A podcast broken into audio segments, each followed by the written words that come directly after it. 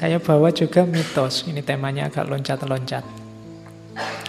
Ada mitos sangat terkenal tentang harapan namanya kotak Pandora. Mitos ini sebenarnya mau mengingatkan kita bahwa obatnya segala penyakit di dunia ini apakah penyakit jasmani, rohani, penyakit individual, sosial itu hanya satu harapan. Selama masih ada harapan, sejauh itu pula segala kesulitan, segala kerumitan, segala kesusahan akan bisa teratasi. Tapi kalau tidak ada harapan, tidak. Itu kan diawali, kalau di mitosnya Yunani itu diawali dari mitos kotak Pandora. Jadi kotak Pandora itu, Pandora itu nama seorang dewi jadi Zeus itu musuhan sama Prometheus. Karena Prometheus yang membawa api ke dunia manusia. Nanti Prometheus ini dihukum jadi diikat di gunung terus dikasih burung elang-elang kau kasus itu kan. Jadi apa jantungnya dimakan elang terus tumbuh lagi, dimakan lagi tumbuh lagi itu sampai kiamat hukumannya gitu. Karena dia yang membawa api ke dunia manusia. Tapi katanya orang Yunani kalau ndak atas jasanya Prometheus kita ndak akan kenal api. Nah, manusia yang dikasih Prometheus api juga dihukum oleh Zeus. Cuma hukumannya adalah kotak yang diberikan pada Dewi namanya Pandora. Pandora ini nanti menikah dengan saudaranya Prometheus. Waktu mereka nikah, oleh Zeus dikasih hadiah kotak. Nanti dikenal sebagai kotak Pandora. Katanya Prometheus, hati-hati, Zeus ini sedang mangkel, jadi sedang marah dia Jangan dibuka kotak itu, nanti bahaya. Tapi karena penasaran, manusia itu kan gitu. Kalau dilarang-larang malah penasaran. Situs itu kan kalau diblokir-blokir kan kamu malah penasaran gimana caranya bukanya. Ya, nah, itu cirinya manusia. Pandora juga gitu, dia dikasih kotak penasaran, akhirnya dibuka. Begitu dibuka keluarlah segala macam hal yang buruk, kejahatan, penyakit, bencana, penderitaan.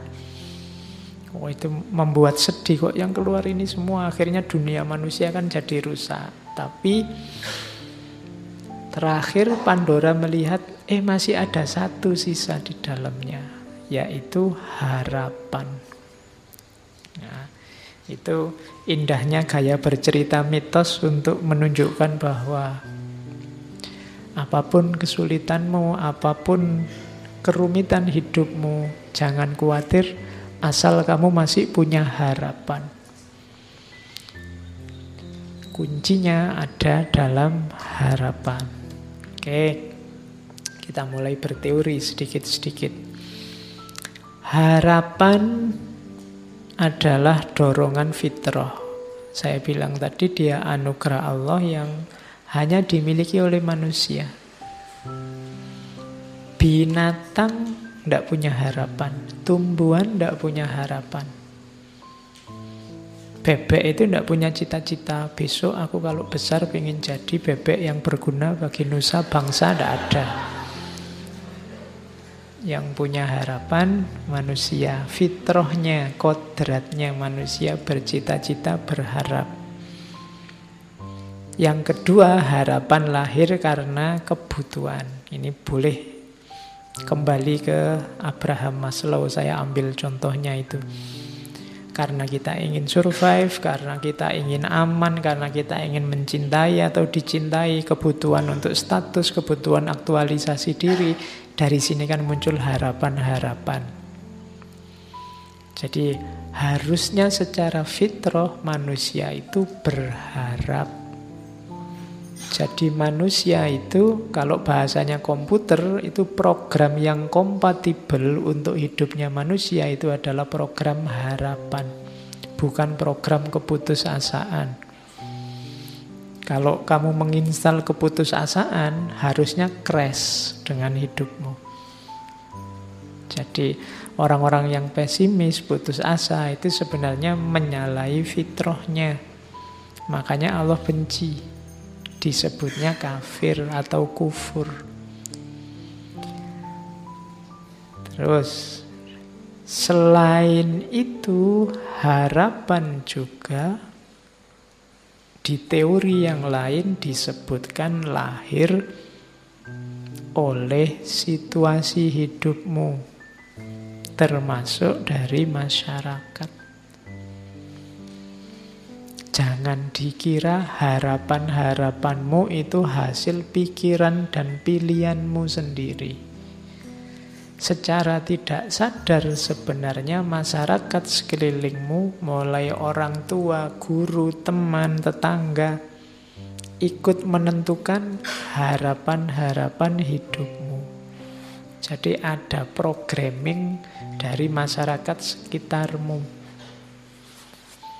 Maka jangan gaya, jangan merasa bahwa saya ini bebas loh Pak. Cita-citaku, keputusanku sendiri, enggak. Di situ ada ilustrasinya biasanya anaknya pedagang itu ya mentalnya dagang dan cepet. Kalau disuruh berharap untuk dagang, anaknya guru juga begitu. Anaknya pemikir juga begitu biasanya. Jadi cita-cita, harapan itu mix antara fitrah individu, kebutuhan masing-masing orang plus programming dari masyarakatnya. Jadi teori ini mau bilang bahwa setiap orang harus sadar sebenarnya kebebasan mutlak untuk manusia itu tidak ada. Kamu yang merasa bebas sebenarnya tidak bebas juga. Masyarakatmu pasti mempengaruhi ekspektasi dan harapanmu. Bukan keinginanmu sendiri. Ketidaksadaran ini nanti sering membuat orang jadi patah hati, stres, depresi, konflik. Jadi harapan itu darimu dipengaruhi oleh masyarakat didorong oleh kebutuhan. Terus apa mainnya harapan, pentingnya harapan dalam hidup kita? Ya, kalau ini sebenarnya tidak perlu dijelaskan, kalian sudah tahu. Ini menegaskan arah dan orientasi hidup, meningkatkan kemampuan menghadapi kesulitan. Itu ada saya kutipkan sebuah quotes dari biksu Thich Nhat Hanh dari ini biksu Zen Buddhisme dari Vietnam. Dia punya torekot kalau bahasa Islamnya ya. Dia punya order of interbeing. Jadi kita kan selama ini interreligius, interrelasi, dia punya order of interbeing. Jadi tidak cuma sesama manusia, sesama makhluk, tapi saling berhubungan dengan segala yang ada. Katanya Thich Nathan, hope is important. Harapan itu penting sebab dia akan membuat momen saat ini tidak terlalu sulit untuk ditanggung. Kalau kita percaya bahwa besok lebih baik, kita akan bisa menanggung beratnya hidup hari ini. Itu enaknya punya harapan. Jangan putus harapan dengan situasimu, dengan kondisimu, kondisi negaramu, kondisi agamamu. Ketika kamu tidak putus harapan, Seberat apa pun yang kamu tanggung hari ini, rasanya akan ringan. Kenapa? Tenang aja, besok enak kalau harapan kita terpenuhi. Kalau tidak terpenuhi, berharap lagi. Selama kamu masih punya harapan, masih enak. Hidupmu kiamat kalau kamu sudah tidak punya harapan. Jadi, tanggunglah kesulitan hari ini dengan harapan. Jadi solusinya gampang. Kamu tidak punya uang, nggak apa-apa sumpek sekarang. Bayangkan besok ini puasanya, besok kamu kaya raya. Itu kan kamu lebih enteng nanggungnya sekarang. Kamu jomblo sekarang ndak apa-apa. Bayangkan besok dapat yang terbaik, yang ter... Nah, itu kan kamu jadi enteng. Pakai teori yang orang bilang biasanya kalau pacari kontak ganti dapatnya yang jelek. Aku kan ndak punya pacar mesti intu e sing apik misalnya. Jadi berharap tidak membuatmu jatuh. Tidak ada yang bisa mengalahkanmu selama kamu masih punya harapan. Kok kamu kuliahmu tidak lulus-lulus? Tidak apa-apa. Saya masih berharap tidak ter-DO. Kok kamu ter-DO? Tidak apa-apa. Saya masih berharap masa depanku bagus karena ijazah dan gelar itu tidak segalanya. Kan itu. Kok iya. Kok kamu susah di karirmu karena tidak punya ijazah, nggak punya, tidak apa-apa. Karir itu kan cuma satu aspek dalam hidup, masih banyak aspek yang lain. Loh kan itu enak. Selama kamu masih punya harapan, masih punya jangkauan ke depan yang kamu impikan kan tidak masalah. Kamu mau kerja apa, ijazah tidak punya, keterampilan tidak punya, ya gampang nyari istri yang kaya aja misalnya. Masih ada harapan. Oke, terus jadi perannya kunci harapan itu. Itu yang terakhir ada quotes dari Henry Nouwen. Henry Nouwen itu pastor Katolik dari Belanda. All great spiritual leaders in history were people of hope. Semua tokoh pemimpin spiritual dalam sejarah adalah figur-figur penuh harapan.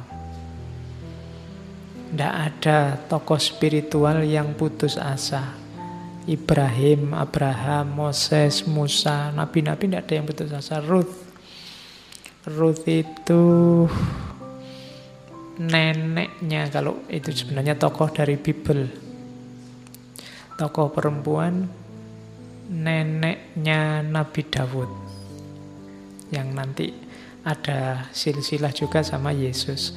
Maria, Yesus, Rumi, Gandhi, Dorothy Day, semuanya menjanjikan orang-orang yang penuh harapan. Live with a promise in their heart. Mereka meyakini suksesnya di masa depan, janji-janji di masa depan. Itulah yang membimbing mereka menuju masa depan. Jadi masa depan itu penting, maka hidupkanlah